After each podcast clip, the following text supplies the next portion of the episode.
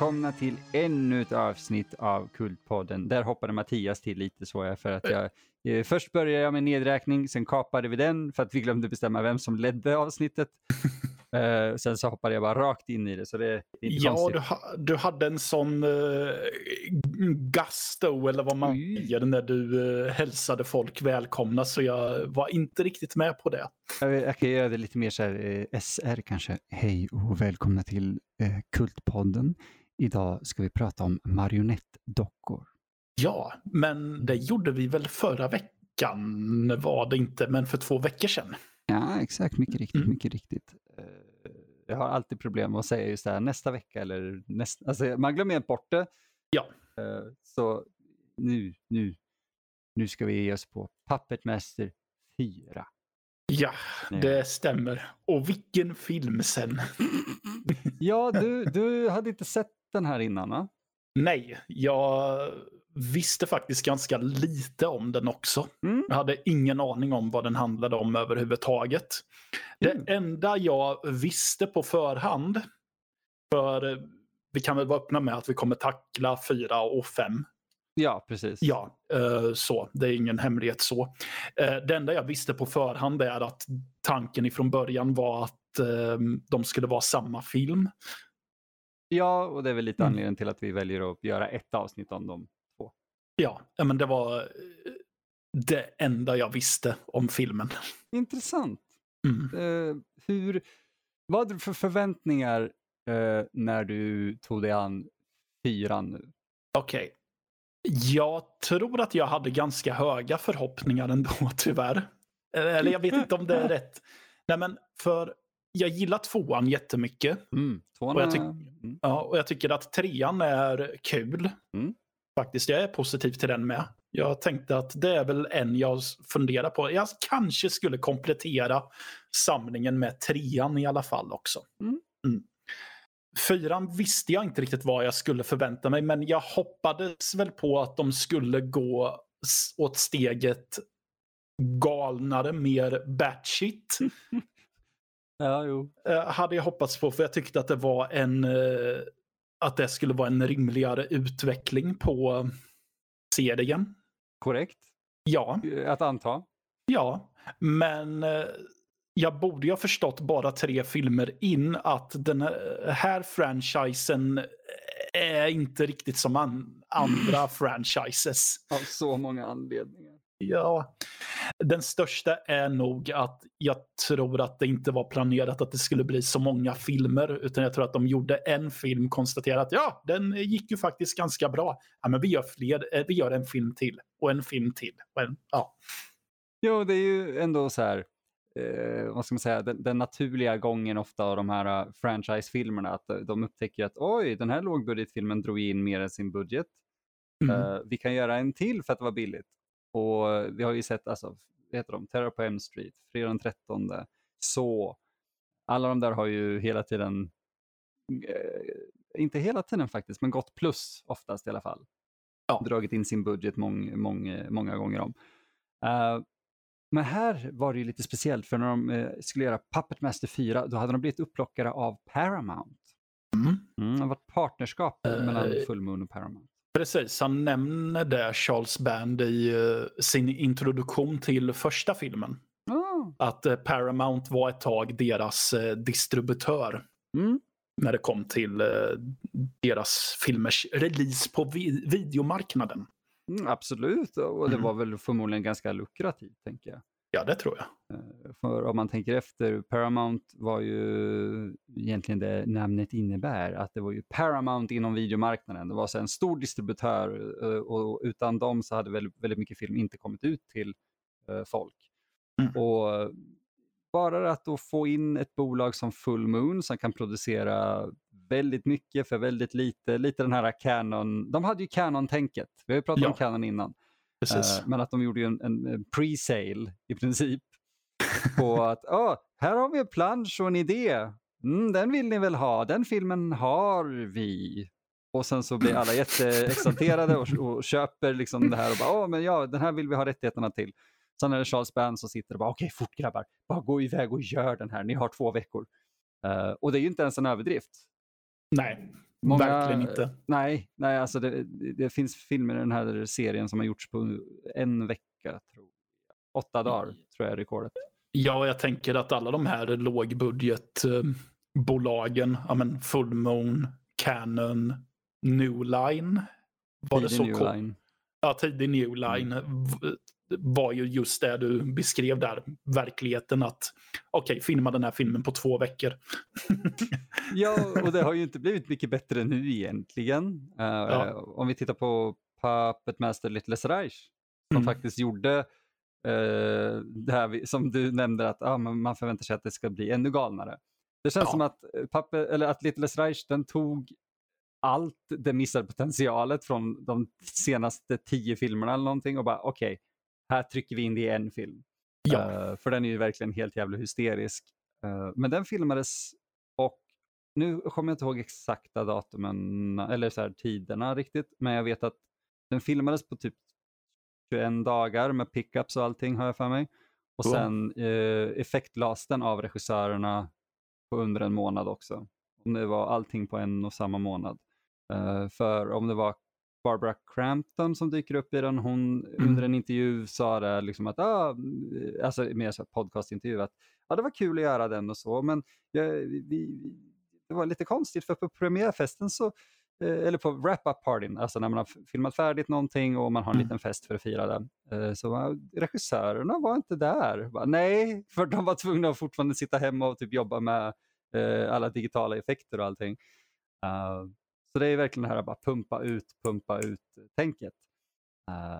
Men vi kan ju nog enas om att Hitler's Reich är en av de bättre installamenten, om man ska säga. En av de bättre filmerna i den här serien. Uh, gud ja, för den eh, representerade mer vad jag förväntade mig innan jag ens dök in i serien.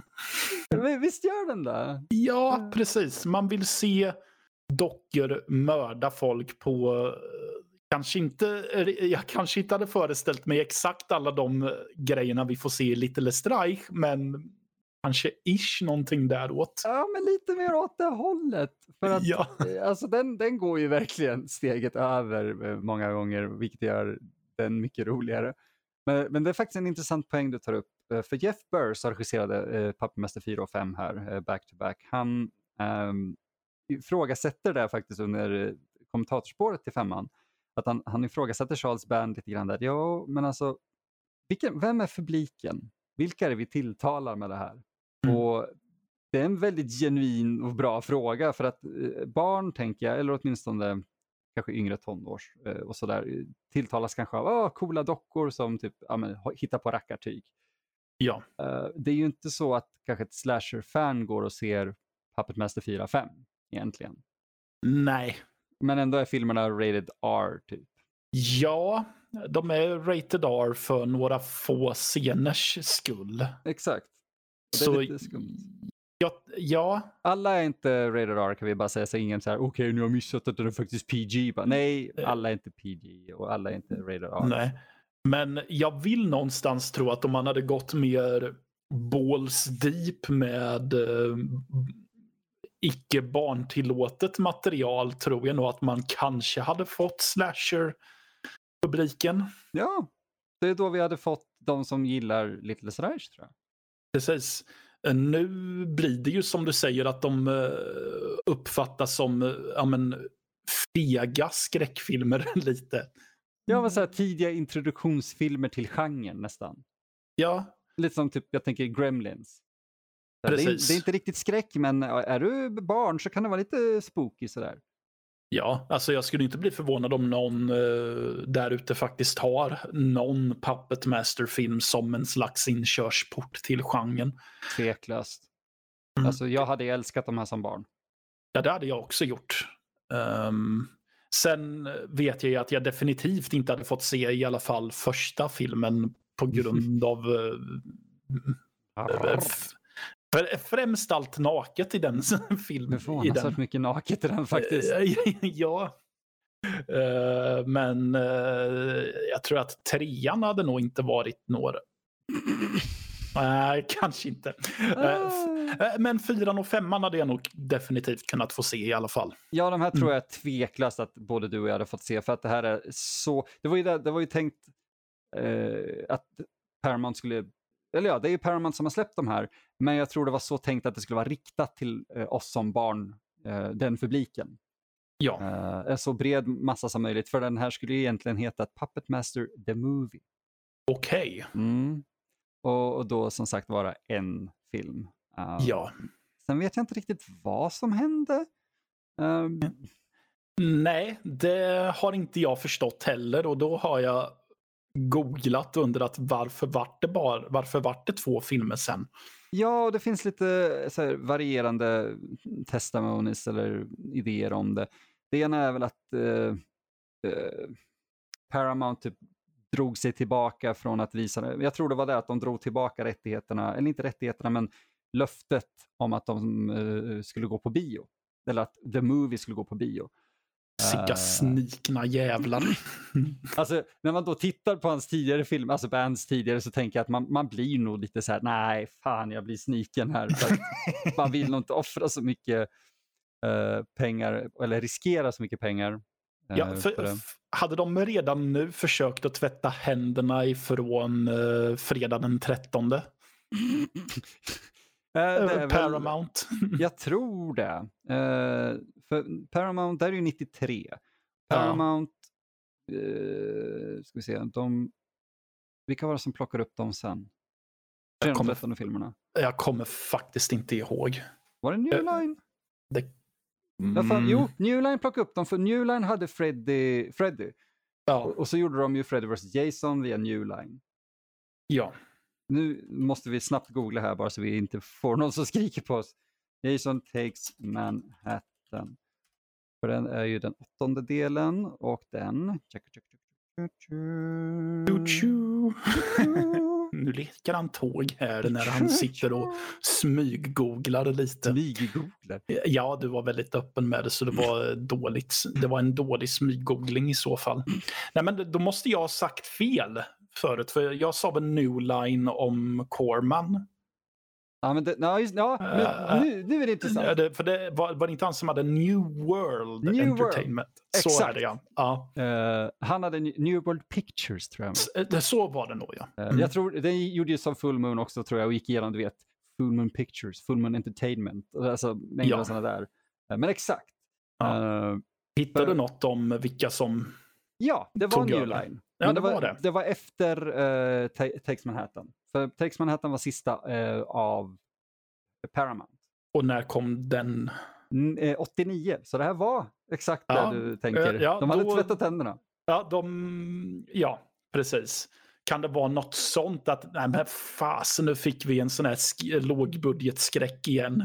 Ja, nästan tvärtom tror jag, att det blev den här ah, fuck, vi gav bort vår kassako, vad gör vi nu? Okej, okay, de här har ju dragit in mycket pengar. Ja, eh, ja det, det, vi spekulerar ju bara nu förstås, uh, utan egentligen ja. ha några siffror framför oss. Men filmerna kostade ju du vet, typ free fitty att göra. Så mm. jag överdriver lite, men ni förstår, det var ju extremt låg budget för sin tid. Uh, och när då Paramount förmodligen inser att det skulle nästan kosta mer att faktiskt få ut filmerna på bio istället för bara direkt till video. Så ja, fuck it. Då, då är det bättre att bara göra dem direkt till video. Och det var också då Charles Band eh, tackade för sig lite grann kan man säga för han skulle ha regisserat Puppet Master the Movie. Istället gick den eh, rollen till Jeff Burr som fick ett samtal efter ett passionsprojekt han hade hållit på med som hette Eddie Presley. Ja. Uh, ja, han tjänade inga pengar på det, vilket man sällan gör på passionsprojekt. Uh, han riskerade att bli av med, du vet, eh, inte typ DJ-card, men att falla ur helt enkelt. Ja. Uh, så han fick chansen då att åka till Östeuropa, som det alltid är i de här lågbudgetfilmerna, även numera, och filma Puppet Master 4 och 5 back to back. Och någon annan film jag inte kommer ihåg vilken det var. Så uh, han hade ett par veckors förproduktion bara. Ja, eh, alltså när man kikar på Jeff Burrs filmografi så kan man ju undra vilken av hans filmer är en potentiell pengamakare egentligen. Ja, han känns som att han alltid har fått göra de här äh, filmerna som skulle fortsätta pengamaskinen men aldrig riktigt lyckades.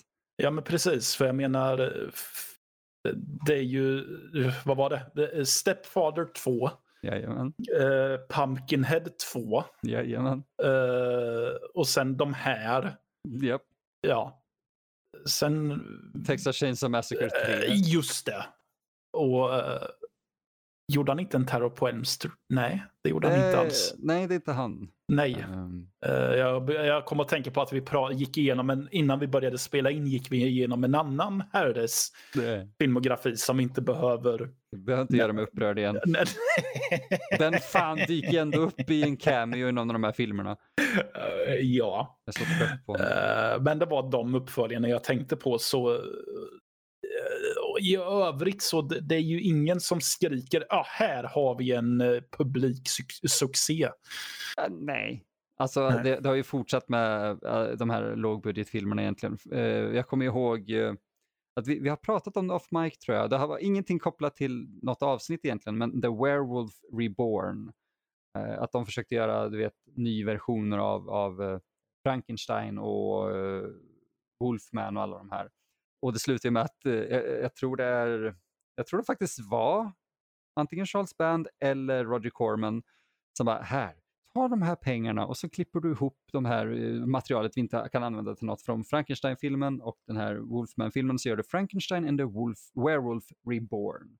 Och det är typ filmat på en ful jävla green screen i slutändan. uh, det, det, är smärtsamt. Uh, så det det är den typen av, alltså en working Joe verkligen. Ja. Eller working Jeff. Haha. Haha. Ja, men han är fortfarande aktiv verkar det som. Ja, lite typ. grann. Ja, ja. Jag, jag, tror han gör lite, du vet, kanske reklamfilm och sånt numera. Ja, han har någon uh, i produktion som i förproduktion var det visst, så den kanske egentligen inte uh. existerar, som heter Etowah Ridge, ser jag här. Okay. Innan dess gjorde han Puppet Master, Blitzkrieg Massacre. Vill du veta en kul grej om det? Vad? Det är att, eh, det tar han också upp i kommentarerna, och, eller i kommentarsspåren. Det är att Full Moon var ju kända för, det här, fan du vet ju inte det, eller du vet ju men du har inte sett det. I de senare Puppet Master-filmerna så börjar ju, eh, börjar ju Band bli ännu mer så här, vet, snål med pengar. Så han eh, sa åt regissören ofta att okej, okay, vi har ju de här scenerna från de andra filmerna med dockor. Filma bara mm. nytt med människor och sen tar du de här dödsscenerna och så från de andra filmerna och klipper in i, i det här nya materialet. Jag har hört om det. Yeah. Och eh, jag bävar inför en eventuell gång då jag ska se det också. Alltså, ja, det, det är därför vi också har gjort lite så att vi bara gör de första fem för att det, mm. det är då det fortfarande... Jag har sett alla de här så jag vet att det är relativt safe upp till, till det här planet. Sen blir det bara weird.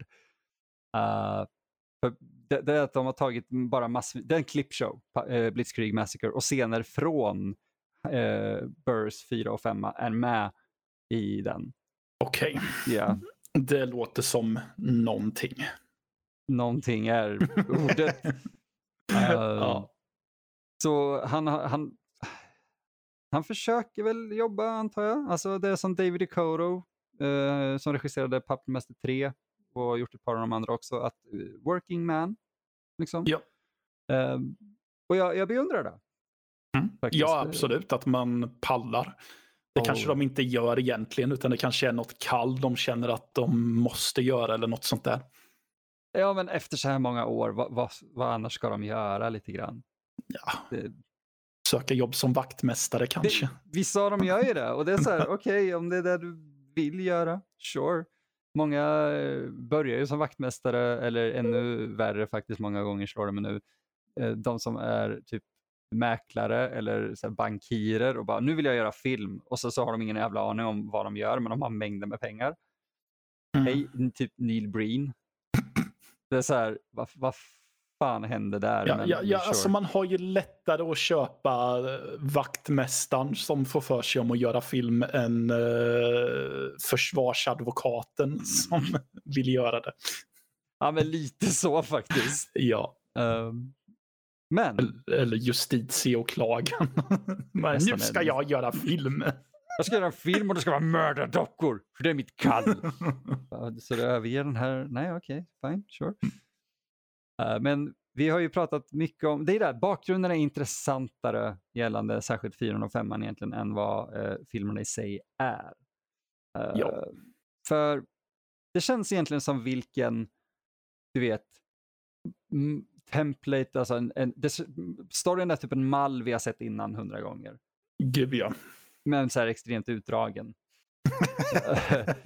Ehm, för ni får ju komma ihåg igen att det var ju tänkt att vara en film i manusstadiet och sen klipptes det i två och paddades ut med uh, fuck if I know, jag vet inte, de har lagt in massa långsamma scener och weird shit. Ja. Uh, det här är Nej, ingenting Jeff Burr tyckte var särskilt kul. Nej, men eh, det, det, är ju lite konstigt att på ett sätt så förstod jag inte hur det skulle... Min första tanke var att jag inte fattade hur det här skulle kunna vara en film. Men, sen när jag, men det var när jag hade sett fyran. Yeah. När jag sen såg femman så förstod jag att ah, okay, nu ser jag hur det här kunde vara en film. För det här känns som uh, den andra halvan av det jag såg igår. Typ. Exakt så.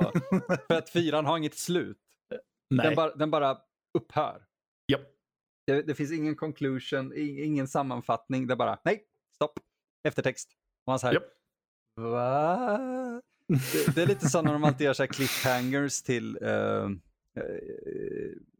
till filmer som inte får, eller spel också, som inte får några uppföljare. Och det är så här, ja, ah, det här kommer fortsätta i nästa installation. Här har vi fått nästa installation, bara det att det är verkligen bara typ, de sidorna som slets bort för att bli en annan film. uh, så det finns ingenting uh, tillfredsställande med slutet på fjärde filmen. Nej. Lite kul effekter dock, här och där. Uh, I fyran menar du? Både fyran och femman, men jag tänker ja, på jo. särskilt slutet av fyran. Ja, jo. Absolut. Det kan jag hålla med om. Men vad skulle du säga att, ursäkta liksom, men vad, är mm. vad handlar fyran om? Och tekniskt sett då femman, men Alltså fyran handlar ju om en eh, snubbe som heter Rick Myers. Som är någon slags ung vetenskapskille. Eh, han, han jobbar med datorer och han jobbar med robotar. Mm. Och han verkar ha något projekt att han vill utveckla robotar så pass mycket så att de typ frångår sin programmering och lyder sin egna vilja istället. Mm. Och detta tycker han är lämpligt att göra genom att han eh, rustar upp robotarna och sig själv med laserpistoler. Mm. Drar igång heavy metal på sin eh, bergsprängare och så har de en shootout. En av mina favorit... De segmenten är mina favoritscener tror jag. Ja, men det, det är någonting med dem där jag tycker att det här är så harmlöst kul bara. Det är verkligen en nörd som är, äh, har the time of his life ungefär. Ja. Och sen gillar jag också första, just besvikelsen när han inser att nej, robotarna sög den här gången också. ja, och det, det ser liksom ut som så här, eh, kommer ni ihåg, eller Matte du kommer säkert ihåg dem, de här mm. leksaksrobotarna som var bulky och stora as fuck eh, och jätteplastiga och man bara tryckte på typ en knapp och de så här, rörde sig framåt och lät ja. jättemycket och blinkade lite grann. Det är typ sådana han har så satt lasrar på. ja. Man säger, fucking what? Ja. Hade ni inte budget?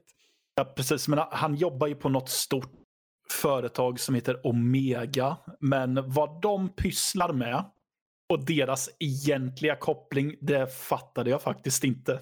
Nej, de, de är vaga med det där. Alltså, ja. Och det, det är ju att storyn är inte så jävla eh, Nej. viktig Nej. i de här filmerna, men ändå, man vill ju veta vad det handlar om. Precis. Han är han är caretaker på hotellet vi har sett i ettan och tvåan. Eller ja, ursäkta. Han är eh, caretaker på samma inklippsbild som i den, de här filmerna är betydligt mörkare än de tidigare. Jag vet inte vad de har gjort där, men jag antar att det inte gick rätt till i framkallningen. Nej. Uh, och eh, några av hans polare kommer dit av någon anledning. Jag tror att hans tjej vill hålla honom sällskap och så har hon tagit med sig en douchig snubbe som känner honom från college och en tjejkompis. Alltså jag älskar ju snubben. Uh, uh, ja. Jag var besviken över att han inte var en skådespelare som heter Timothy Olyphant dock. Hej, tack! Jag funderade på vem det var han såg ut som. Eh, Jag, eh, jag googlade i min iver för att se Puppet Master 4 i Timothy Olyphants eh, filmografi och han dök inte upp. Så då vart jag Ah. lite ledsen. Eh, ja. Men det, Eh, de, de, de är ju bara där egentligen för att så här, Ja, dö. ja, de upptäcker dockorna. Han har hittat Blade innan, Mm. har han gjort. Eh, han väcker dem till liv och... För att de har det där serumet. eh, De Ja, är, ja. Parallellt med det här har vi fått reda på att det finns en demon som heter Sutek. Ja, som är... Jag älskar Sutek. Eh, Ja, men... Ja, han är ju en klump av lat, Ja. eller vad materialet heter som man gör skräckfilmsmasker av. Jo, men han, alltså, ja, ja, det är ju en stor hög latex silikon som de har liksom, Ja, jag vet inte, satt på en snubbes huvud det- och så får han spela. det är någonting med över honom som är väldigt genitalielikt, men jag kan inte riktigt pinpointa vad det är med. Hade det varit David Duchovny som regisserade hade jag definitivt eh, tänkt att det var så. Ja, Som vi pratade om förra Ja. gången. precis. De, Sutek är förbannad på uh, Tulan framför allt för att han snodde ju gåvan att uh, få icke-levande ting att bli levande och nu ska de ta tillbaka det genom att skicka små Potence? Kallas Ja, precis. Som styrs av några som kallas för Watchers. Mm. Som typ det är också figurer med latexmaskar och latexhänder. Fast de har kåpor på sig också. Ja, till ingen nytta känns det som. Ja. För, för både i, i eh, vad heter de, Phantasm och Star Wars. Eh, I Phantasm har de ju, jag kommer inte ihåg vad de heter, men de här små monstren, de Ja. göms i typ mörker och, och huvor. Eh, Ja. och, och i Star Wars eh, vet vi att det är typ Java, så de har två gula ögon. Här är det så här, liksom, ah, de har försökt att dölja dem. Ah, Okej, de t- trycker upp en lampa rakt i ansiktet på dem, man ser att det är en mask. ja, men ja.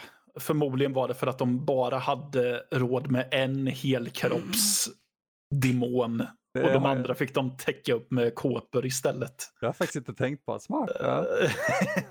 ja, de, de här små filurerna i alla fall som de styr är i storlek med eh, dockorna Såklart. och så har de typ en pyramid på huvudet. De, här watchers styr dem genom att de typ står och glor ner i en brunn där Mm. de också får ser allting som utspelar sig i den riktiga världen typ. Ja, ja där, där har ni i stort sett plotten. Ja, och de ska ju typ, ja, stoppa dockorna och ta tillbaka det- Ja, för de här små pyramidfilurerna kommer ju och lever rövare och slåss med eh, dockorna. Som, alla dockorna som vi såg i eh, trean faktiskt. Ja, exakt. är det exakt samma. Eh, vi hör återigen Six Shooters skratt långt bak i svalget. Underbart. Ja. Vi har inte Leechwoman dock. Nej, hon Hon är inte med. Nej. Jag kom på att hon blir ju till i Ja. trean. Ja, och vi, just det, vi får ju stifta en ny bekantskap här. I form, I form av en som heter Decapitron. Jag älskar Decapitron. Det är typ den dummaste dockan någonsin. Ja, för att det blir lite... Alla andra dockor har ju en gimmick. Mm. Decapitron är lite så här... Vad är din grej egentligen? Hans grej är att vara en McGuffin. Han är vad de behöver. Ja, för att de lägger väldigt stor vikt i att ah, du, jag, jag, jag måste, för han läser i typ någon skrift eller något sånt, att ah, jag måste bygga ihop Decapitron. Mm. Ja, just det, i, i Tulons eh, dagbok. Ja, så är det ja. Ehm, ja. Så den är jätteviktig och sen när han är ihopsatt så i fyran gör han inte så mycket. Ja, typ, Han projicerar Tulons huvud som säger att "Ja, du är den nya puppet master och lite sånt där. vilket är, alltså det är så kul. För, för Guy, Guy Rolf som spelar Tulon i trean, fyran, femman och någon av de Ja. senare. Mm. Eh, han är så fantastiskt mysig. Ja, jag, jag Eh. gillar Guy Rolfe jättemycket. Eller hur? ja, men, men han var tydligen jätteweird. Eh, han var ju. Ja, alltså han började bli rätt gammal här också. Eh, men han, enligt Burr på kommentatorspåret där så var det svårt att få tag på honom för han hade flyttat till Spanien, eh, Guy Rolfe, och var inaccessible i Spanien. Så han Mm. bodde väl i någon bergskedja eller någonting. Men de fick tag på honom till slut. Eh, de liksom kallade honom till Los Angeles tror jag att det var då. Eh, och han vägrade komma ut ur sitt hotellrum för han, han var så väldigt ja, men gammal och han ville vara i fred så därför bodde han i bergen i Spanien. Eh, han vägrade komma ut från sitt hotellrum tills de hade gett honom hans pengar, eller liksom hans lön i, Wow. eh, alltså i hard cash. Liksom. Mm. Och de förde in pengar under hans hotellrumsdörr tydligen. Eh, och det här var liksom timmar innan han, uh, han så här, de, de, innan de behövde filma hans scen. Jag tänkte säga scener ens. Så i eh, ren desperation i stort sett, så men vad fan, ta pengarna gubbjävel. De för han vägrade öppna tills de hade matat under allting under hans dörr. Ja, det, det låter som en nästan ännu... Nej, jag vet inte vad som är värst. För Stallone under Cobra, Åh gud. han vägrade ju spela in tillsammans med vem det nu är som spelar skurken i den filmen. Jag kommer Ja, inte riktigt ihåg. Utan så i slutet när skurken låg så satt typ Stallone och tittade på amerikansk fotboll och drack öl i sin trailer. Fan vad rätt alltså. Det, det, det är där man ska ge eh, klippare en jävla eloge. oh ja. De, de lyckas Oh, ja. nästan alltid få ihop den då. Men till slut, eh, de hade tydligen Jeff Burr på telefon hela tiden också under det här. Och de sa, vi, okej, vi har gett honom 100 dollar, vi har gett honom 200 dollar, vi har gett honom 300, liksom varje så här, sedel som gick under. Och eh, Burr hade bara- varit så här, "Ah, fucking jävla skit alltså, jag har så här många timmar att filma det här på. Så han började göra liksom det här, du vet, eh, du vet ju särskilt sånt här, när man ja. eh, okej, vi har de här timmarna, gud vad bra, det går ju bra. Och sen så händer någonting som man Ja. inte hade räknat med. Och man måste komma på, hur får jag de här 15 shotsen eh, att bli fem? Mm. Och det, var det han fick göra lite, så de började ta där de kunde, du vet inklippsbilder och all skit. Sen kom Guy Rolfe till platsen och eh, det var typ en timme kvar då eh, att spela in med honom bara. Då de, de typ strappar ner honom på eh, plywoodskiva för att kunna så här, filma honom i rätt vinkel som Mm. Decapitron är och allting. Ja. Och, han sa det att eh, den här gamle mannen hade liksom inte en aning om vad som pågick egentligen eller ens vilken film eh, eller del eh, han var med i.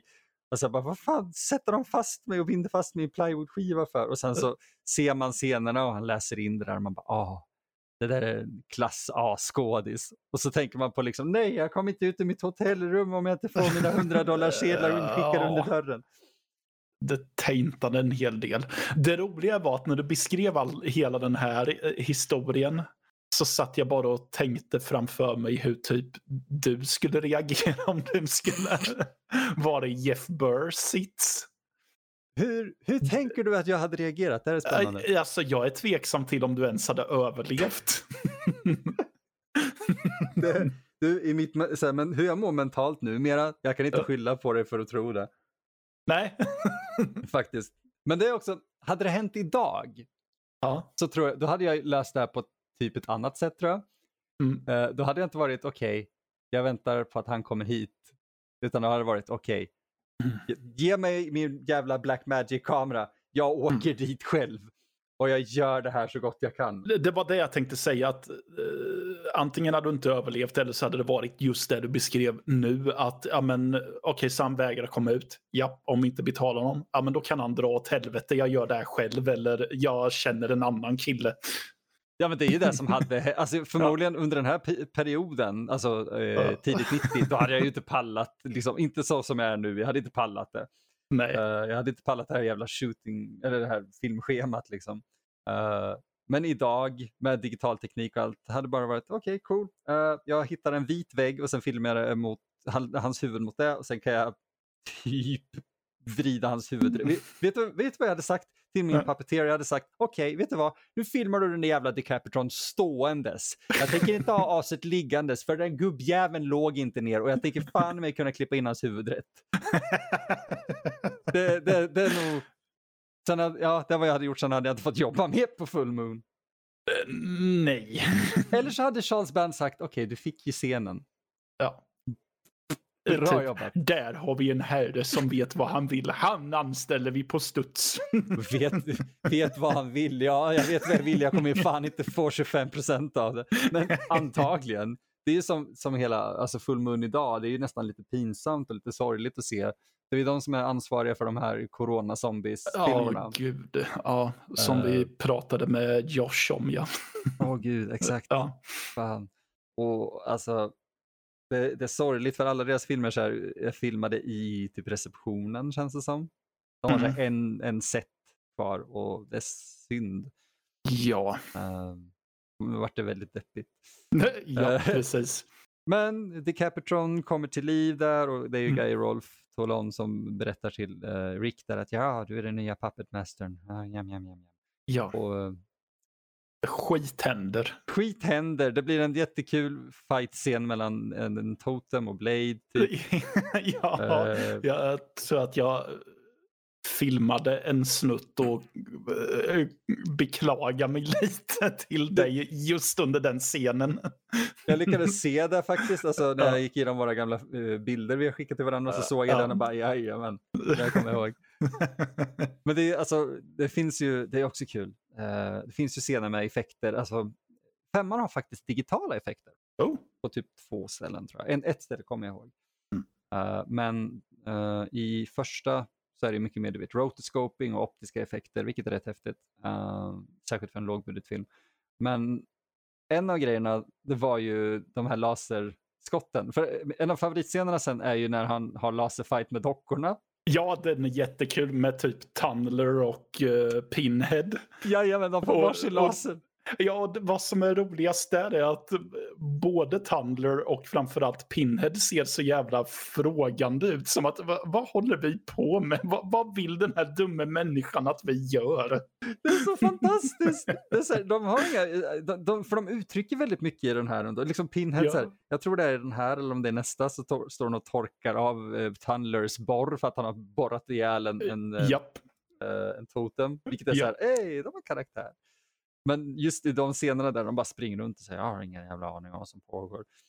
Eh, men tydligen hade de, vad var det, i, i manus eh, 30 så här laserskott, eller inte i manus, men du vet eh, i previous eh, och så, så hade de 30 skott tilltänkta. Ja. Burr beskriver lite som att na, eh, Band tittade ibland in, alltså bara så här, svängde in huvudet i, i mötesrummet och sa nej, ni får kapa till hälften, ni får ha 15. Ja, Okej, fem, 15 skott, det är lugnt. Ja, och sen kom han tillbaka ett par timmar senare. Ja, budgeten har kapats ännu mer, ni får 10 skott. Ja, fucking, hey, okej. Och jag kommer inte ihåg hur många de hade till slut, men det var så här kring 10 stycken. Wow. Ja, och då tänker man efter på varje sån där laserstråle, liksom, vad det kostar att göra och allting. Och bara, fuck, jag kan göra det där nu. Med... Han tar till och med upp det att det har ju ändrats så mycket. Det relativt nyligen filmerna gjordes ändå, tidigt 90. Ja. Och idag kan vi, du och jag Matte, vi kan sätta oss och göra eh, den här fighten med dockorna liksom på en dag. Gud ja. Det är helt sjukt. Ja, vi hade ju en... eh, eh, när vi gick filmlinjen hade vi ju en kille som uh, snöade in på att eh, just det, göra sådana här effekter. Jag kommer ihåg det, för jag kommer inte Ja. ihåg vem det var och vi, behöver inte outa någon Eh, nu. Nej, precis. Och det, där var det också så här att ja, eh, han gjorde ju förvisso inte egna saker utan han gjorde typ, ja, men här är en snubbe som skjuter ett hagelgevär, nu lägger jag in så att han skjuter en laser istället. Just det, nu kommer jag kommer ihåg Ja. till och med det klippet faktiskt. Ja, Men så här, helt rätt sätt att ändå börja jobba med effekter, tänker jag. ja men precis. Så jag tänker att eh, det är ju samma sak där. Det hade ju tagit en evighet. Och varit svindyrt, som sagt. Ja, det är lite, eh, det är lite skönt att befinna oss där vi är nu i tiden med, med tanke på alla de här grejerna. Vi har det installerat på våra datorer och kan göra det hur lätt som helst. Det Mm. finns på riktigt, jag skojar inte, eh, tioåringar på YouTube som kan ge en bra genomgång av hur man gör den här typen av effekter. Ja, Eh, det är lite sjukt när man tänker efter hur mycket tid man har lagt själv på att kunna lära sig det här och sen sitter en tioåring med dålig mick och man hör deras föräldrar bråka i bakgrunden. Then you're just gonna rotoscope this part. Man bara, hur gör man det då? Din jävla tioåring. uh, så det är rätt fascinerande. Ja, måste jag också på tal om effekter. Jag gillar ju när de väl dödar sådana här totems. Mm. Då dör ju en watcher. Precis. Och jag, jag, gillar, gillar att de förmodligen har tänkt att ja, men hur filmar vi när den här dör? Och så, nej, men släpp bara din rekvisita på golvet så filmar vi det sen. Det är så fantastiskt. Alltså, ja, vi lägger in lite skit, lite optiska effekter, jag blixtrar lite. Ja. Och, och eh, han påpekade Burr faktiskt att, att ja. vi hade tänkt oss här, när, när en Watcher dog så skulle det vara typ en lasershow och det skulle ja. vara du vet, massa effekter. Och det gick ner till att vi, vi fick typ så här, från 10 000 dollar för att göra det så fick vi 100. Mm. Uh, så det var bara ficklampor och blinkande ljus och sen kunde vi lägga in blixtrar. Och det var så de fick dö.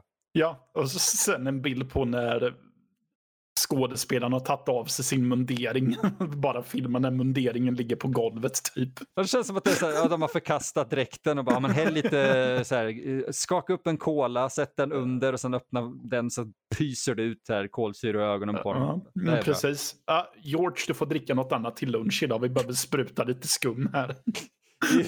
det är, det fan precis där de, det känns som. För i femman nämligen, vi, vi, kan ju faktiskt hoppa över till femman. För fyra, ja. det, fyran har ett icke-slut och eftertexterna kommer och man bara what the fuck.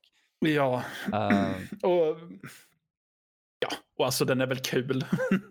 ja, exakt. Det, det, det är så svårt att säga. Vad, så här, rekommenderar man fyran? Det går inte att rekommendera den utan femman riktigt. Nej, så jag funderar nästan på att vi väntar med den biten tills vi har pratat om femman också. Tack, det var exakt det jag hoppades ja. på att du skulle säga. Ja. Uh, för att uh, den kom ju typ året efter vill jag minnas, 94. Uh, ja, eh, och hette, vad hette den här filmen? Den hette Puppet Master 5, The Final Chapter. Ja. Hur många skräckfilmserier har vi inte hört som har typ The Final i titeln? För att sen uh, återkomma med mängder fler. Precis. Det jag dock funderade på var att jag tänkte att uh, ja men Final Chapter kan ju betyda något bra. Jag menar, jag älskar ju fredagen den 13 del 4 som hade undertiteln The Final Chapter. Så jag tänkte, det, det här är, så jag tyckte att just den undertiteln bådade gott för den här filmen. Jag kände att du bara tänkte, åh fan vad skönt det är över snart.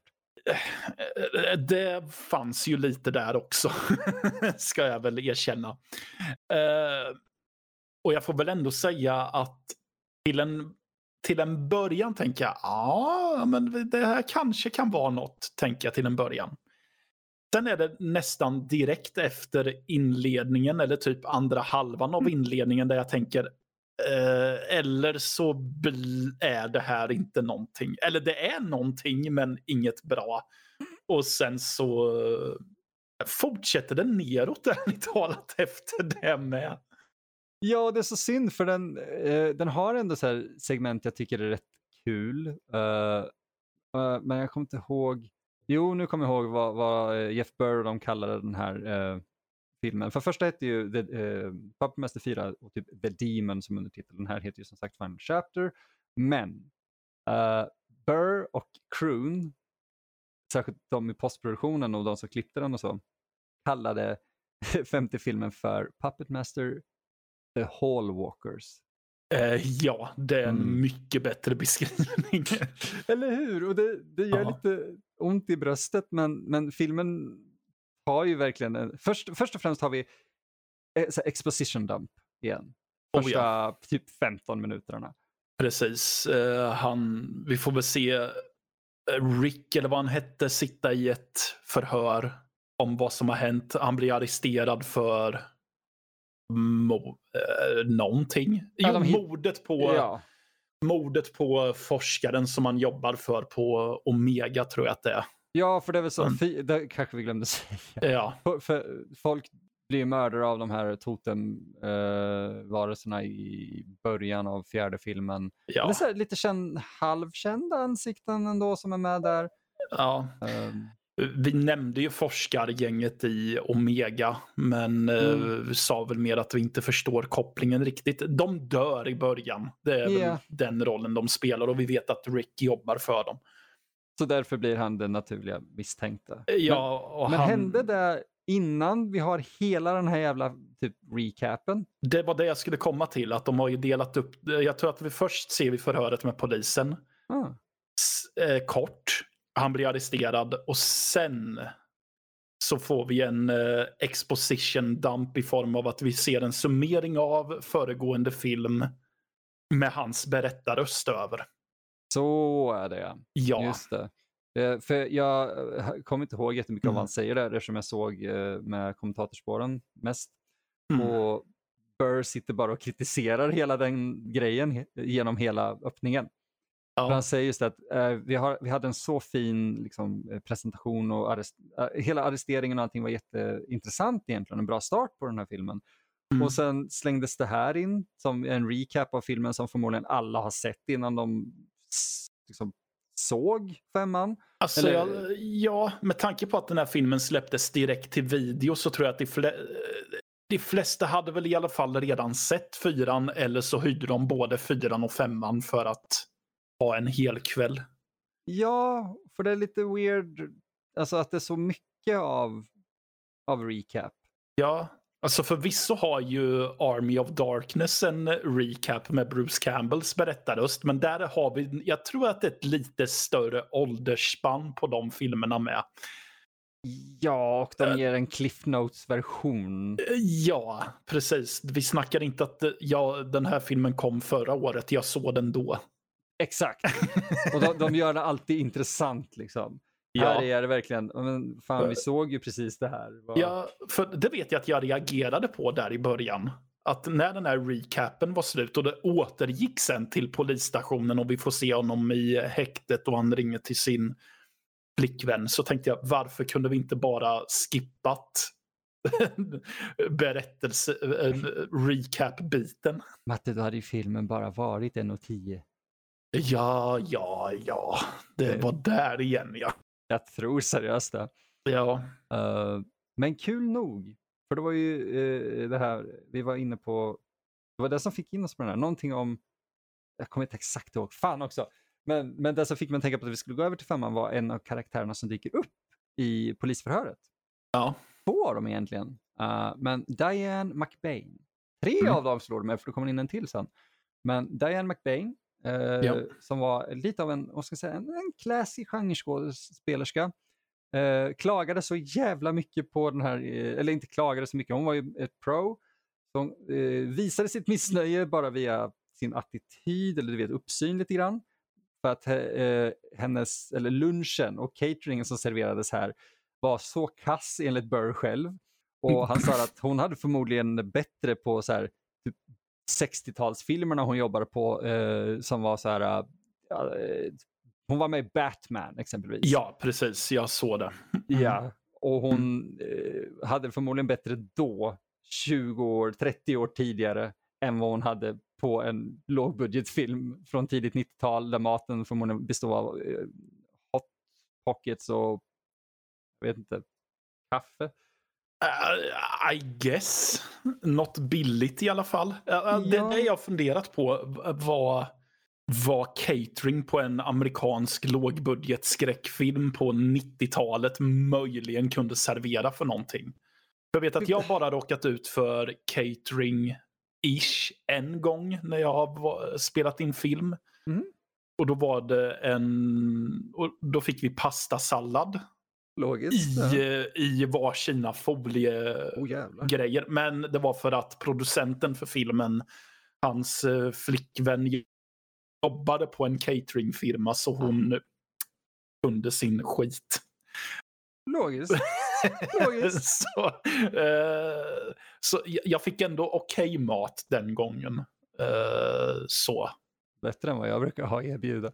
Eh, ja, annars brukar en klassiker vara typ eh, mackor. Ja, men det är exakt det jag, jag kör ju alltid mackor. Ja. Det har blivit lite av en tradition nu. Ja, och grejen är den att jag är fine med mackor. You better fucking be. Ja, men alltså jag är inte... Så här. Eh, vi ska återgå till filmen snart, Mhm. men för att tuta i min egen trumpet lite så vill jag säga att jag, eh, tycker, jag anser mig själv vara en tacksam eh, medlem att ha i sitt crew eller gud, ja. skådespelare just för att jag gnäller inte över grejer som vilken typ av mat eller um, föda som serveras. Jag förväntar mig inte ens att det ska finnas. Vilket är sorgligt, men eh, förståeligt. Utan jag är ju mer av den här typen att nej men vad fan jag får väl förhoppningsvis äta någonting under någon, jag får väl springa och försöka handla något under någon paus eller efteråt när allting är färdigt. Vilket är ett beundransvärt, alltså du får inte nog med cred av mig för den inställningen. Men, men det är det, ni som vill göra film, ni kan få det tipset. Se alltid till att hålla mat, eller ha alltid någonting för crew och cast att äta. Det, det är lite så här minimum ändå. Uh, jag brukar uh, alltid som sagt försöka ha uh, frallor med, Mm. i olika varianter, men ofta med typ paprika, ost och ibland skinka och grejer. Och sen ha kaffe. Ja. Sen om folk vill ha uh, bryggkaffe, nej, det är inte alltid man har tillgång till det, så då får man köra pulverkaffe, men det funkar liksom. Se bara till att det finns nog med mat och grejer så att folk är nöjda. Vatten, mat och rosett. Ja, för ja, vi har pratat om det förut, att det är lite misär att spela in lågbudgetfilm Ja. väldigt ofta. Och man behöver inte göra misären värre genom att man har ett hungrigt crew också. Nej, fan, det går, det går inte att jobba med dem. För då blir stämningen, den är redan smått fientlig, men man behöver inte ha den krigisk som den blir om alla är hungriga dessutom. Jag som diabetiker, det är rätt intressant för min, min kropp går in i någon form av pausläge då. Mm. Jag, jag äter väldigt sällan under en inspelning om jag leder den. Eh, Både jag och David som jag brukar jobba med, som vi har haft på uh, Mm. Patreon uh, exklusiva avsnitt. Ja. Han eh, och jag, vi funkar väldigt bra tillsammans därför att vi, vi äter inte, Elisa äter inte heller faktiskt. Merparten av dem jag jobbar med som jag brukar du vet, ha i crew äter inte under inspelning. För Nej, det brukar inte jag heller Nej, göra. det slår mig, du gör ju inte det heller. Förrän det så här, om inte du har den, om man ska säga, det är aldrig kursi, men så här, okej, du ska göra, du ska skådespela. Mm. Då, då, så här, då får du sitta och dricka kaffe och äta för att du ska vara i prima skick för att vara framför kameran. Jo. Vi andra som är bakom, vi kan se ut som vrak. Vi, vi behöver inte äta för att vi måste se till att allting är preppat för att få så bra material som möjligt. Eh, men se alltid till att folk på plats har, har det bekvämt. Så bekvämt som Filmar ni ute och det är kallt, ha för helvete med filtar och grejer.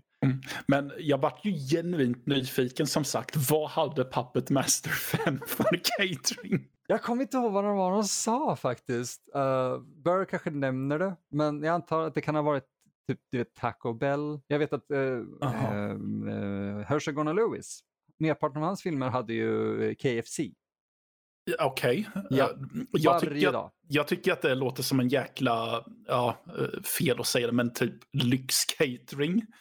Te- ja, Eh, Men då tänker jag ju svenska priser, det vill säga att då hade ju regissör eller producent varit typ ruinerade.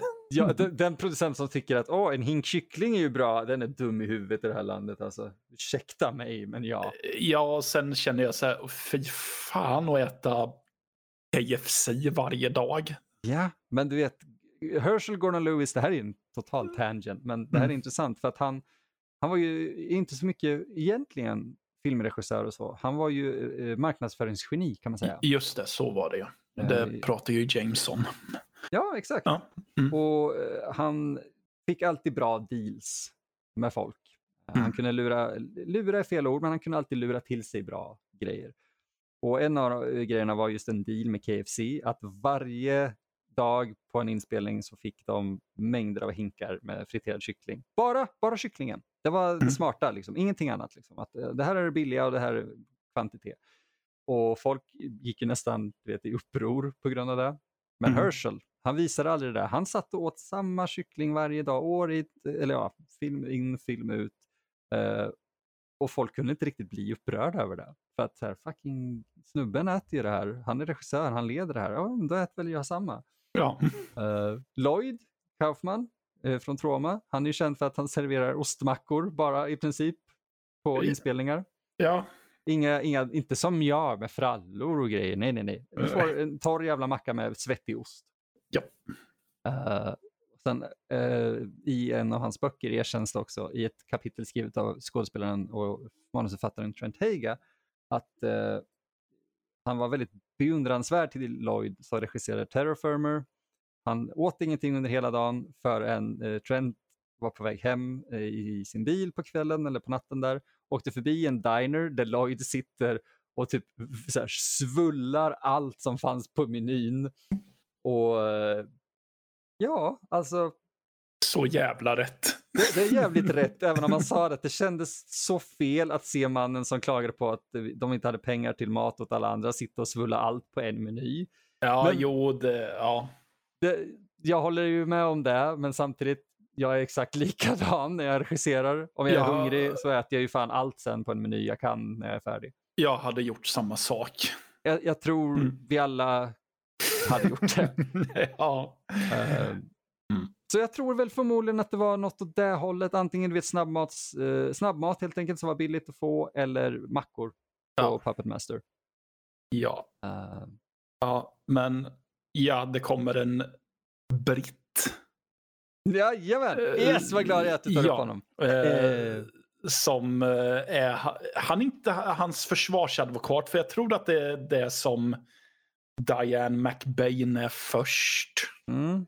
Men så blir, han, blir Rick arresterad och sen så får vi se honom prata med britten som jag har tappat vad han heter. Ian O'Givly heter det, skådespelaren. Det är han, ja. Jennings lät ju väldigt brittiskt. Och han, han är kopplad till Omega på något sätt. Ja, det är väl det som är, mm. det är därför han får jobbet tror jag, för att han ska ja. få reda på hemligheterna som Rick vet. Ja, precis. Ja. Uh, han är väldigt kul. Han, uh, om jag nu minns rätt, det var någon lång så här, five degrees of bacon typ. Han spelade nämligen i Return of the Saint. Vad sa du? Han spelade i Return of the Saint. Okej. Okay. Eh, ja. Och han eh, spelade då The Saint, alltså eh, Simon Templar, karaktären. Ni som inte kommer ihåg The Saint, det är inte konstigt. Helgonet. Ja, just det. Eh, mm. I, i man ska säga, uppföljarserien. Just det. Och, och, vem var det som spelade The Saint från början, Matte? Roger Moore. Ja, men, och vad var Roger Moore mest känd för sen? James Bond. Damn straight. Ja. Men vad är det som är ännu mer roligt då? Jo, det är att eh, Ian O'Givly eh, han ju, ju, läste in ljudböcker av, vadå? Kan det vara James Bond? Av James Bond. uh, så det finns en James Bond-koppling uh, här, vilket jag tycker är uh, superkul. ja. Jag vill minnas att han hade blivit så här, det kan vara att jag blev förvirrad när jag läste, för jag läste väldigt mycket, väldigt snabbt om det här, att han också var tänkt som Bond. Vet, du vet, många skådespelare för, för, liksom, tänkte sig som Bond och jag kan jo. se det. Ja. Men jag kan också se att typ uh, George uh, Lazenby eller till och med, det var inte han jag tänkte säga, jag tänkte säga Timothy Dalton. Mm. Okej, okay, där har vi mer en, en, en, en, en klippt och skuren man för rollen som James Bond. Medan här är det lite mer... Uh, Bra röst för det, men resten är så här... Ja. Men han, Istället valde han Puppet Master 5. Ja, precis. Men jag kommer inte ihåg om han bailar ut Rick. Eh, alltså, alltså be, han... betalar ut honom eller något sånt. Men vad han... Ja, vad han i alla fall gör är att han drar till det här till inklippsbilden tillsammans med typ tre andra snubbar. Ja, alla de är fantastiska skådespelare på sina sätt. Eh, ja, det är de. Och sen knallar de runt i eh, korridorerna oh, i hotellet. Och det, det pågår, typ, det är deras grej i hela filmen. Ja, det är typ nästintill vad majoriteten av filmen är. Ja. Ja. Jag, jag ska vara ärlig och säga en sak här. Nej. Uh, jag hade på grund av ifall jag blir uttråkad framöver, om det är på jobbet eller whatever, så har jag laddade jag ner ett sånt här klassiskt jigsaw-pussel uh. till min telefon. Jag vet inte hur många sådana pussel jag löste under tiden pro, eh, promenerandet i korridorerna fortgick. Men ni, ni som säger att det är fel av matte att göra så, ni måste förstå att de här filmerna blir jävligt jobbiga att ta sig igenom eh, till slut. Och just i sådana här scener där så lite händer, då Ja. måste man ha någonting annat att göra. Ja, ja, alltså jag var ju fortfarande uppmärksam på vad som hände i klart. filmen. Var jag. Så det var inte så att jag helt skiftade fokus, men jag kände att jag behöver sysselsätta mina händer med någonting, för den här filmen ger mig inte så mycket vad det gäller underhållning just nu. Nej. Men det är eh, uppenbara eh, fel av det här, eller ja, te- tecken på att det är paddat. Ja, Det, det, det är en 90 minuters film som har delats i två och dragits ut till att bli näst, inte ens tre timmar film. Mm. Eh, och det, det är ett stort problem med pacingen, särskilt i femman. För att vi har ju, definitivt. ja, för, för egentligen Jennings och de här, de blir ju sekundära karaktärer såsom uh, Cameron i första där, alltså den här lite uppsnofsiga Timothy Olyphant lookaliken. Mm. Eh, men han har ju ändå en funktion lite grann, medan Jennings har en funktion i början och sen så är han där för att bli mördad typ. Precis. Kan vi bara påpeka också att jag kom på det, jag är förvånad att du inte snappade upp på den. Ron O'Neill, Matte. Ron O'Neill. Ja, från eh, Superfly och Superfly TNT. Regissören för Superfly TNT, eh, om jag minns rätt. Han eh, är ju polisen som förhör Rick. Just det. Eh, en, eh, inte riktigt eh, av många anledningar som vi inte behöver gå in på nu, men inte riktigt Blaxploitation-stjärna från 70-talet. Nej, alltså... eh, Mm, jag kopplar inte den, nej. Nej, men det, alltså, det är inte en av de stora stjärnorna, eller vad man ska säga, och det gick, han ser inte ut som han gör i, i Superfly och dem. Nej, precis. Plus att jag har inte sett Superfly. Det är en ännu bättre förklaring. Ja. Eh, Jag ser att han är med i Red Dawn också. ja, exakt. Ja. Så det är, lite, det är så här, återigen, weird. Skådisar som inte borde ha varit med här, var med här i femte Puppet Master. Ja, om nu folk undrar vad Red Dawn är så tänker jag säga ja, den är skriven av John Milius. Och har ni någon gång hört en... Wolverines! Ja, precis. Så kommer det därifrån. Det är typ eh, ja, världskrig 3 och eh, unga soldater eh, krigar. Är det inte typ Sovjet som invaderar Nordamerika eller någonting? Jo, Det är jättelustigt. ja. ja. Men i alla fall, Mm. vad var vi inne på? Hallwalkers, där var vi ja. Exakt, jag var tvungen att koppla ihop vad fan det var som pågick. Eh, men ja, de vandrar ju runt, eh, de här karaktärerna vandrar runt i hotellet och eh, det är skådisar vi har sett typ uh, från Dusk till Dawn 2 och grejer. Det är lite kul. Det är Ja. de här som har gjort sitt till genre, vet du det? De har gett sitt i genren helt enkelt. ja, de är såna här that guy. Precis, det är Mm. exakt sådana. Ja. Uh, men det, problemet är att det händer inte jättemycket mer egentligen. Uh, Nej. där, vad, eh, vad heter den där stora demonen igen? Sutek. Han, Ja. han går runt och viftar med sina dockarmar på ett fantastiskt vis. Eh, han, det ser ut som att han inte borde kunna prata. Det ser ut som att han borde låta så här, liksom, som att han har handen för munnen hela tiden. Ja. Eh, för att han rör ju på, alltså det är fantastiskt. Dockarbetet i de här kan vi säga är ju fortfarande rätt imponerande. Mycket. Nej men alltså han väcker... Han... Det, det är jättekonstigt för han tänker att... För alla hans watchers har ju dött. Så då tänker han att nej, då får jag väl ta tag i det här själv. Så han plockar fram en sån här totem som vi har sett i eh, förra filmen. Mm. Och typ projicerar in sig själv i honom. Och det, det, det, så det är jättekul. Han inleder en jätteond eh, ramsa. eh, Typ, ja, ond magi och sånt där. Öppnar upp portaler och skit. Ja, precis. Sen ser vi halvpromenerande. För att sen klippa till att han, åh, han är inte färdig med ramsan fortfarande. Sen blir det lite halvpromenerande, lite Rick också. Och sen eh, är han fortfarande inte klar med sin jävla ramsa.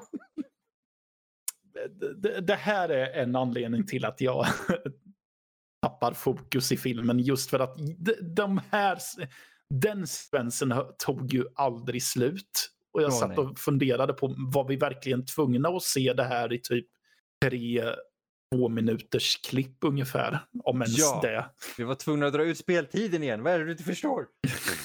Ja, precis. Eh, Det, första jag sa till dig var ju att det var en sak som fick mig väldigt verbal. Ja, vad var det? Ja, det var ju att mm, jag sa ju att de dockorna vi ser i fyran Mm, just det. Är ju alla dockor vi såg i fyran minus Leech Woman. Trean. Ja, i trean ja. Just det, så var det. Mm. Ehm, det vill säga det är Six Shooter, Tundler, Pinhead, eh, Jester, Blade. Ja, Ja, det är de. Ja, i den här, och sen helt plötsligt från ingenstans så, jaha, där är Torch. Han bara står, han, de, de typ panorerar kameran och där står han och man bara fucking what? Japp. På en jävla trappavsats. Ja, men- och det sa du ju att eh, Jeff Burr kommenterar också att ja, och här av någon anledning är Torch. And there's Torch. Who was suspiciously missing from the one but here he just is.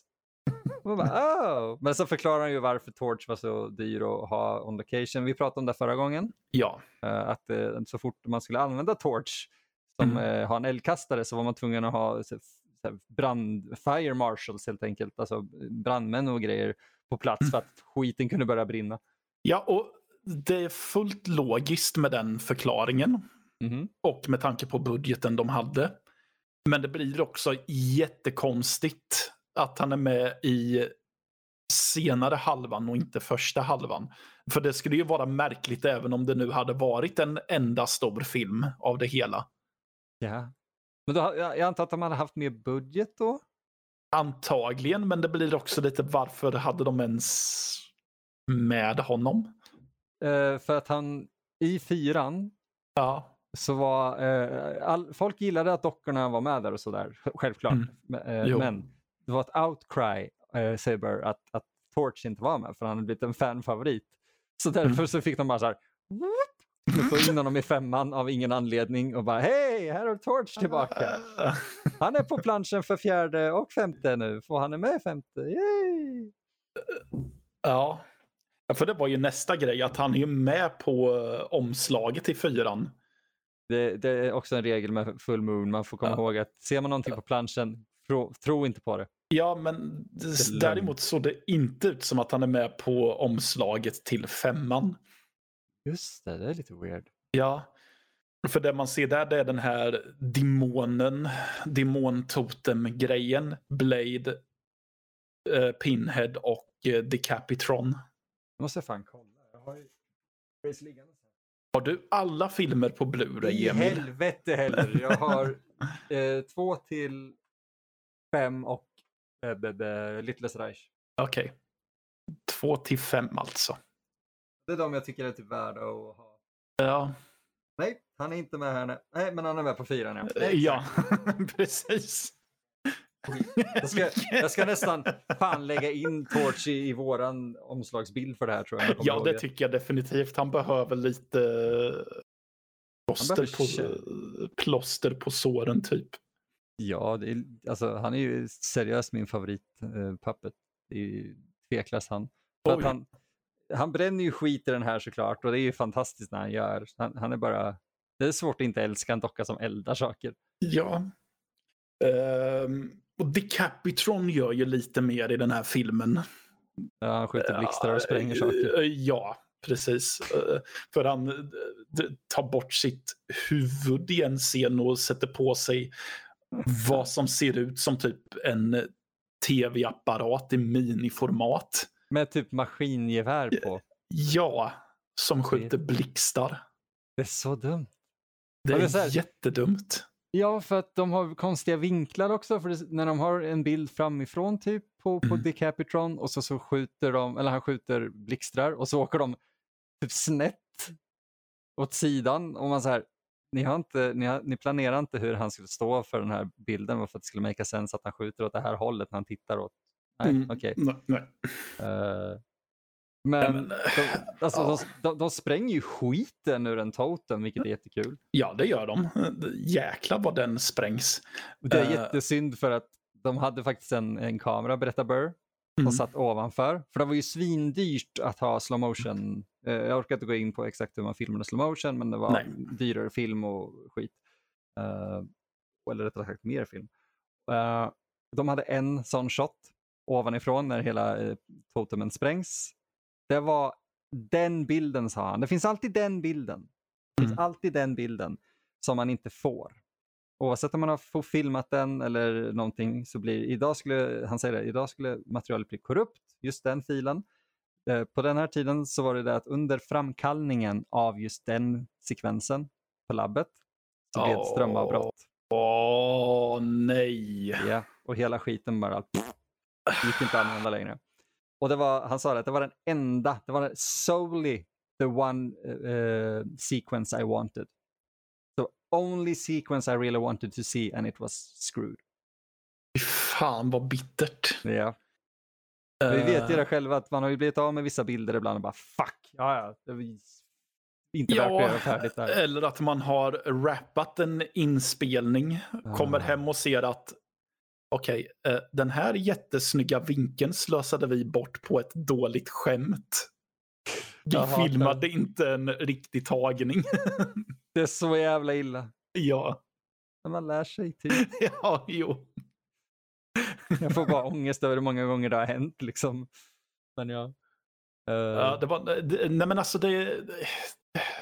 Som sagt, det är inte mycket som händer i filmen och sen så är det ju grejer som bara är märkligt. Som det är en tjej som är i koma från förra filmen gud. som kommunicerar via Ricks dator i hotellet. ja. Oj. Vilket är, ja, så här, hmm, hade de tittat på eh, hade de tittat på Evil Speak med Clint Tower, då tänkte ja, Helvete vilken referens. datorer kan vara ockulta. Vi- Visste du att hon skulle egentligen eh, under en inspelningsdag, jag kommer inte ihåg vilken det var, eh, så skulle hon egentligen på en audition för en Doritos-reklam. Och, och, Okej. Burr, Burr, ja, och Burr skulle ha låtit henne göra det, men han, han sa också att hade schemat tillåtit det hade hon fått göra det, men jag stod och kollade igenom det och insåg att det här går inte och vi behöver henne. Och hon Mm. blev så arg och besviken och bitter och ledsen på honom att hon typ pratade inte med honom resten av inspelningen. Och han ber om ursäkt till henne på kommentatorspåret och säger jag, jag hade liksom, vi hade ingen möjlighet, det var, det var det här som behövde göras. ja. Så hon missade sin Doritos. Hon fick andra reklamfilmer sen, men, men den där Doritos-reklamen alltså. damn. Ja, det, det hade ju kunnat vara genombrottet, man vet ju inte. Nej, George Lazenby var ju, för att koppla tillbaka till Bond, han hade gjort eh, eh, en eh, tv-reklam för typ en chokladkaka eller vad det var. Han, han kallades ju, som hette typ The Big Fry eller vad det var, och han kallades ju för The Big Fry Guy. The Big Fry Guy is Bond. Så det var ju en, en, ett problem. Men Ja. eh, det är ofta sånt där skit händer. Men alltså, ja. De besegrar ju eh, Sutek, den där stora silikonplast latexhögen. Eh, för att han, han tar ju sig till deras, som du sa, han kommer in i, i, the mortal world, realm. Och sen, det bara slår mig också, hans realm är typ sopsäckar och där, skynken och det är svart och ljus.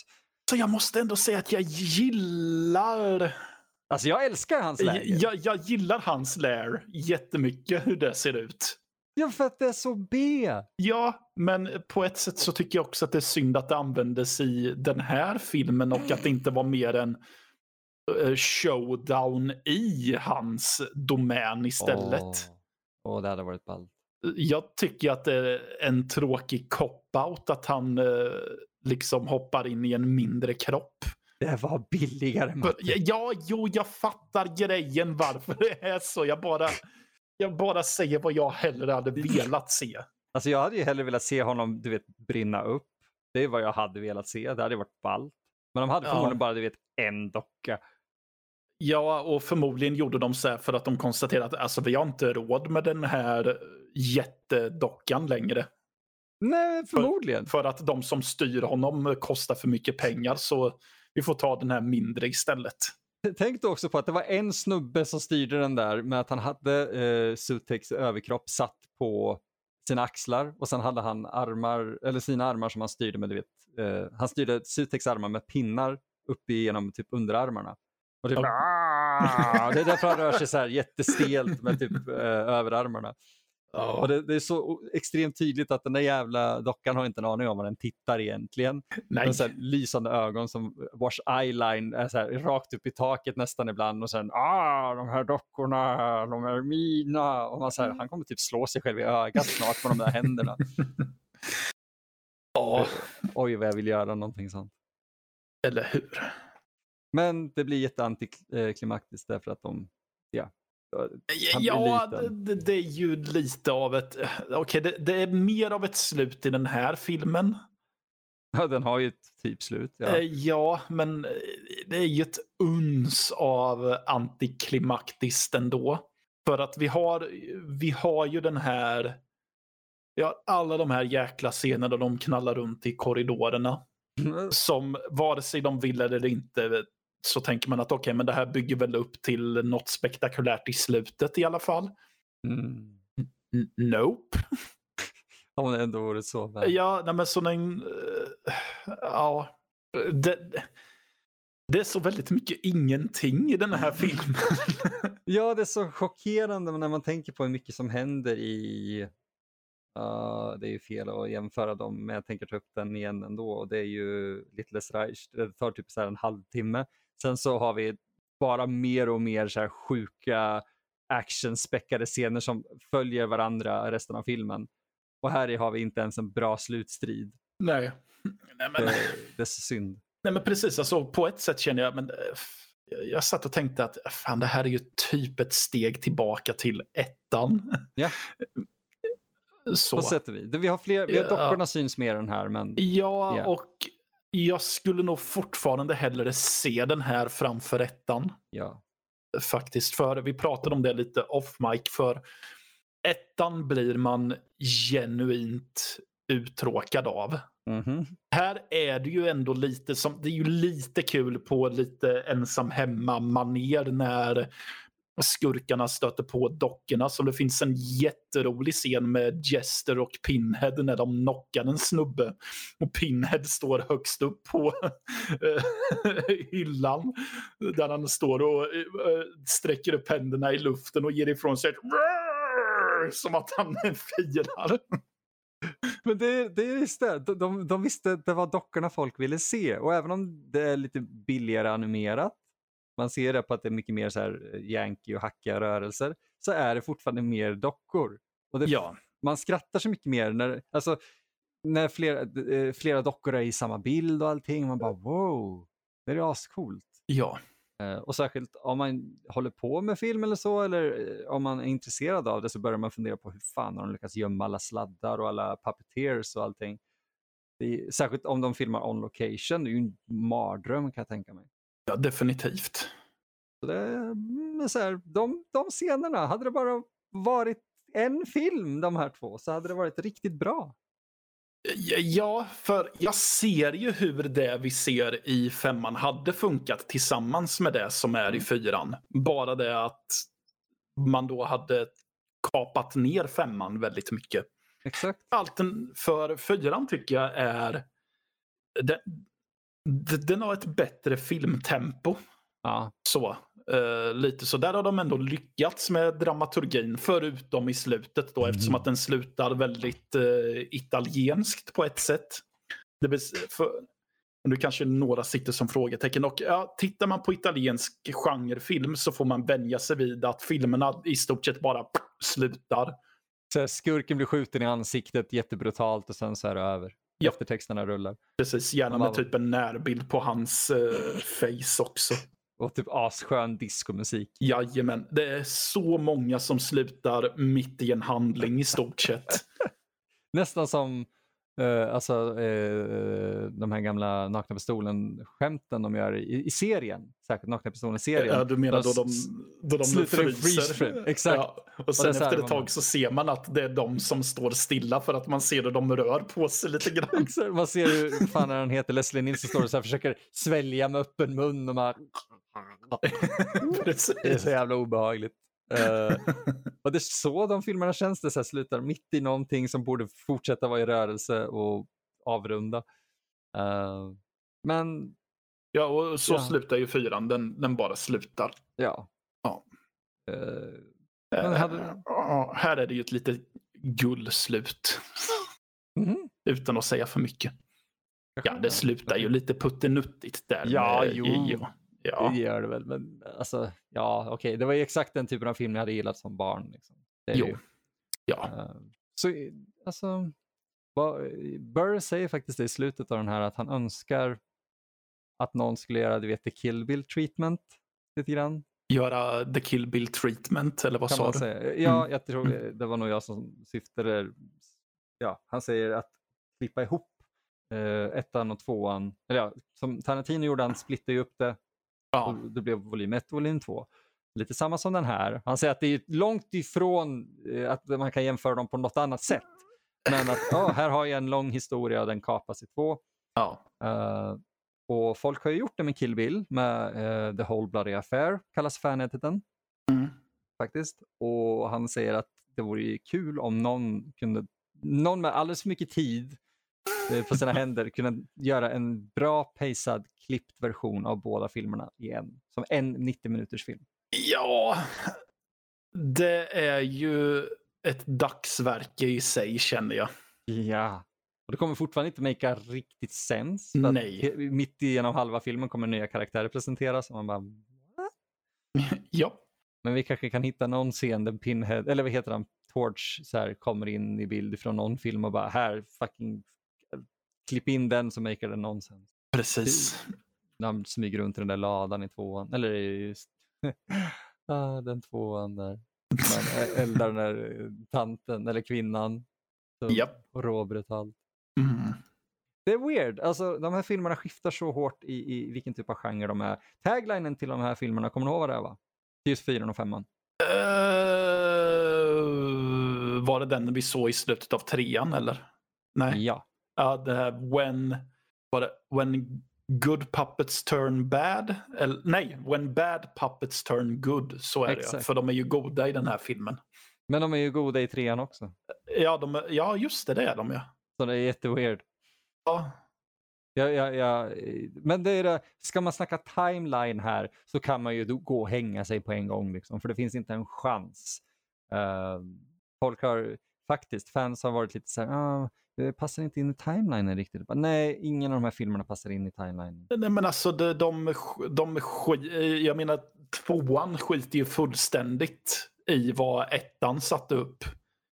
I stort Trean, trean bryr sig inte, den bryr sig mer men inte nöd, jättemycket om vad tvåan satte upp.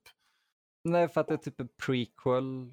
Fast Ja, ändå inte för att Toulon dör innan trean utspelar sig. ja och fyran är typ eh, det, Fucking- ba, vill bara bli gjord i stort sett. Jag vet inte fan om den ens ville det. Alltså. Nej. Nej, men så pratar man om timeline i Puppet Master-universat, d- d- då är man bara märkvärdig. Men alltså Matte, jag hör ju att det här är en perfekt fylle Patreon-podd. Vi ska prata, inte bara Puppet Master Timeline, vi ska prata Full Moon Universe. Ja, men herregud, jag, Ja. jag, då måste jag ju se mycket mer full moon än vad jag Ja, nej, gör. nej, nej. Vi kan bara prata om det. Men menar de att alla, men jag har inte förstått det, menar de att alla full moon-filmer utspelar sig i samma universum? Så betyder det att Eh. Puppet Master är i samma universum som typ Slave Girls from Beyond Infinity? Jag tror inte den, de är det, utan jag tror det är de här gimmick-filmerna. Ja, Dollman, Ja, just det. eh, Demonic Toys. ja, för de som faktiskt har crossovers med varandra. Mm, precis. Ja. Ja. Nu, nu namedroppade jag i och för sig en film som jag är mer förtjust i än vad jag egentligen vågar erkänna. Jag tycker väldigt mycket om Slave Girls from Beyond Infinity. Jag, jag funderar på om jag borde se den bara för att du är förtjust i den. Annars är det en sån här film jag bara, nej, fuck it, jag går vidare. Alltså man får ta, jag har tänkt att man får gå in med den med samma mentalitet som när man läser en sån här pulpig serietidning ungefär. Mm.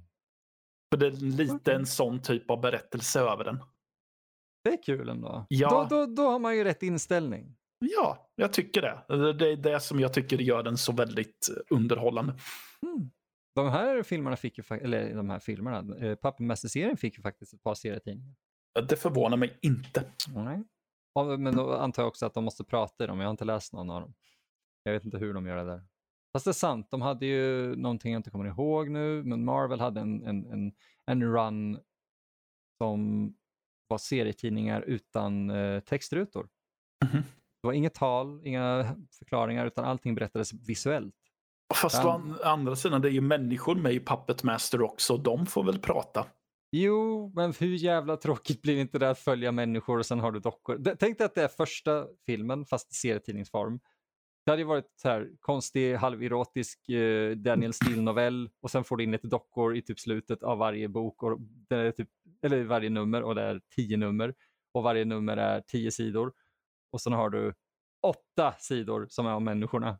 Ja, nej, det är sant. Jag hade blivit så förbannad men sen kommit på också att just det, det är full moon, vad vä- förväntar jag mig? Ja. Jävla sorgligt. Eh, har vi någonting mer att säga egentligen om fyran och femman eller serien i sig? Om fyran och femman så vet jag inte. Det finns inte så mycket mer.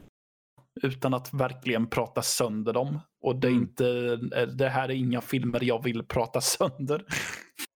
Ja, men de, är inte, alltså, de är inte värda det och precis som uh, mycket annat vi har pratat om så är historien bakom mer intressant egentligen än filmerna. Ja, ja, jag är nästan lite ledsen över att jag inte kunde få höra mm, Jeff Burrs kommentarspår. För det låter som ett typiskt sånt kommentarspår jag hade gillat. Ja, första, fjärde filmen så är intressant. Ett femte är intressant fram tills att de klipper in typ ett telefonsamtal med David Allens assistent. Ja, men nej. Det, då, ja, okej. Men det, på, det, det är Mm. intressant på ett sätt just för att David Allens sista eh, contribution på Puppet Master-serien var ju femman. ja, okej. Ja. ja, Eh, jo. Men jobbigt att lyssna på ett telefonsamtal. Ja, det är så jävla kass kvalitet. Ja. eh, serien, alltså det vet... Ja. Man, Vi- vi- ma- man ska ju inte tänka på det som en serie, tänker jag. Nej. För de är, har ju ingenting med varandra att göra, förutom att det är återkommande dockor. Ja. Och till viss del karaktär, karaktärer. Men eh, som, eh, man får ju bara se det som enskilda filmer som bara råkar dela samma namn och kronologiska siffror. Ja, fram till femman här nu då. Ja, Fem, jo. femman är den sista som heter Puppet Master liksom siffra. För sen Ja. börjar de gå över till att bara heta saker.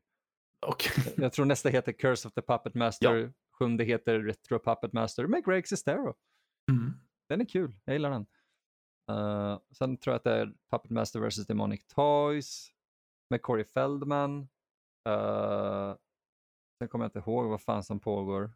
Men efter det får vi även Access-filmerna och de är lite kul. Men ja. Det är när typ Blade slåss mot nazister. Ja, för det har jag förstått att Blade blir mer typ som seriens Pinhead, alltså Pinhead som Hellraiser då, inte Pinhead Mm. som dockan Pinhead. Jävla karaktär att välja. men, ja, men han blir ju den ikoniska eh, frontfiguren. Ja, lite grann. Eh, Vilket är förståeligt. Både ur ett produktionsmässigt perspektiv, han är förmodligen jävligt enkel att hantera. ja men och, äh, han har ett mystiskt utseende också. Man får ändå ge att han äh, lämnar ju lite ett uns av, åh, i vilken kontext är den här filuren med?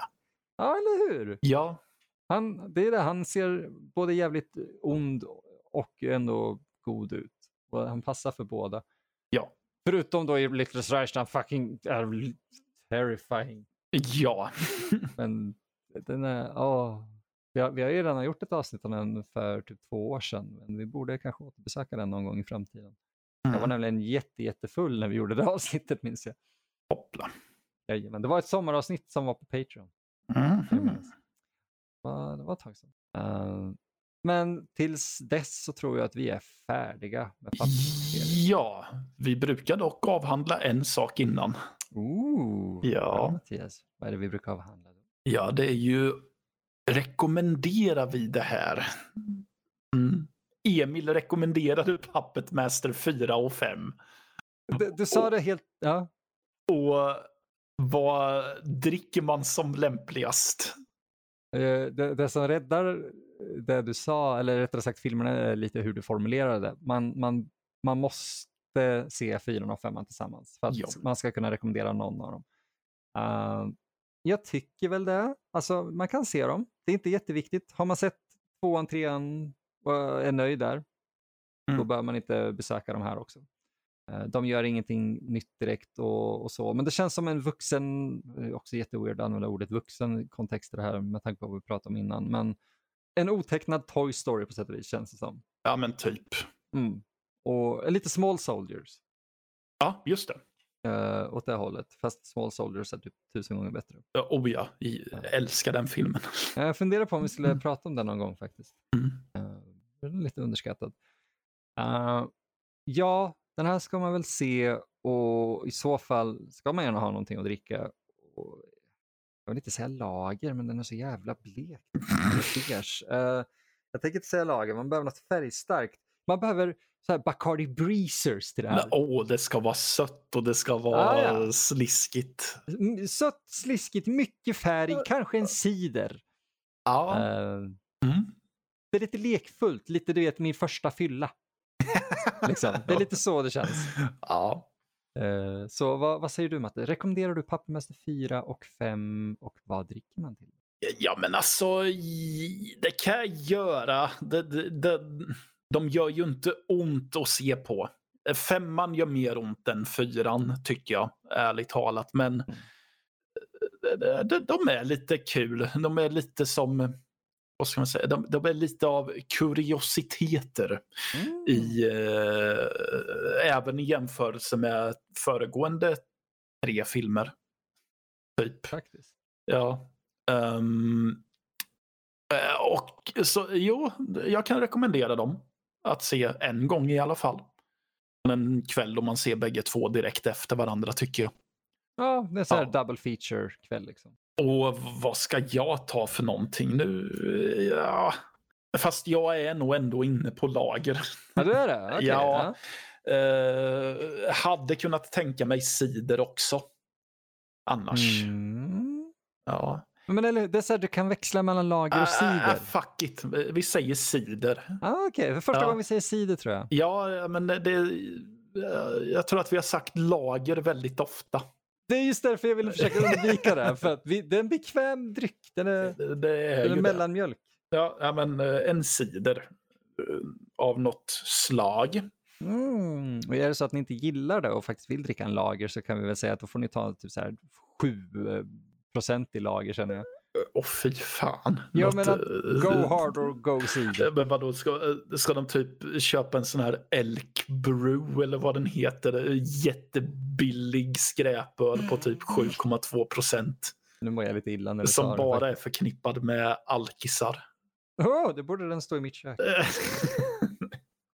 Eh, nej, men skämt åsido, det var ändå lite kul att återbesöka de här första filmerna i serien. Mm.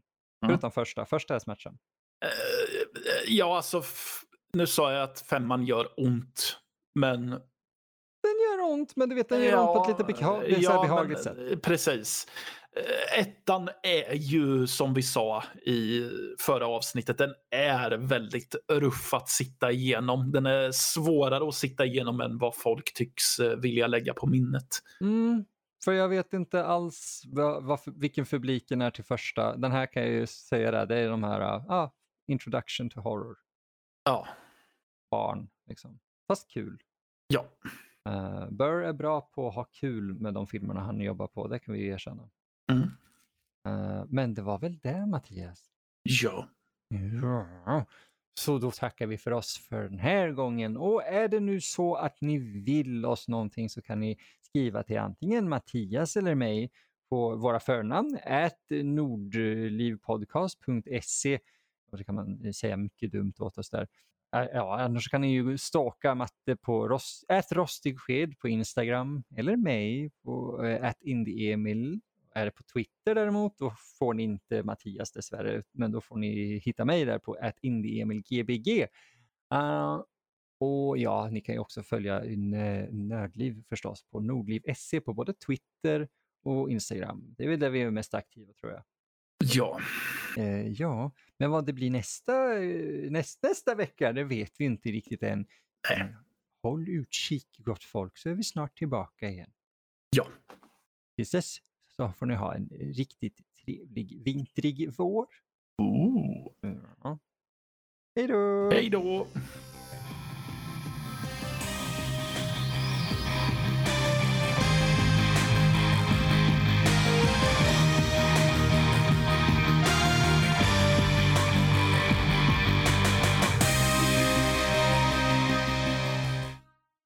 Kultpodden produceras för Nördliv Podcast. Medverkande är Emil Johansson Levin och Mattias Malm. Producent är Fredrik Olsson och musik av Max Löfström.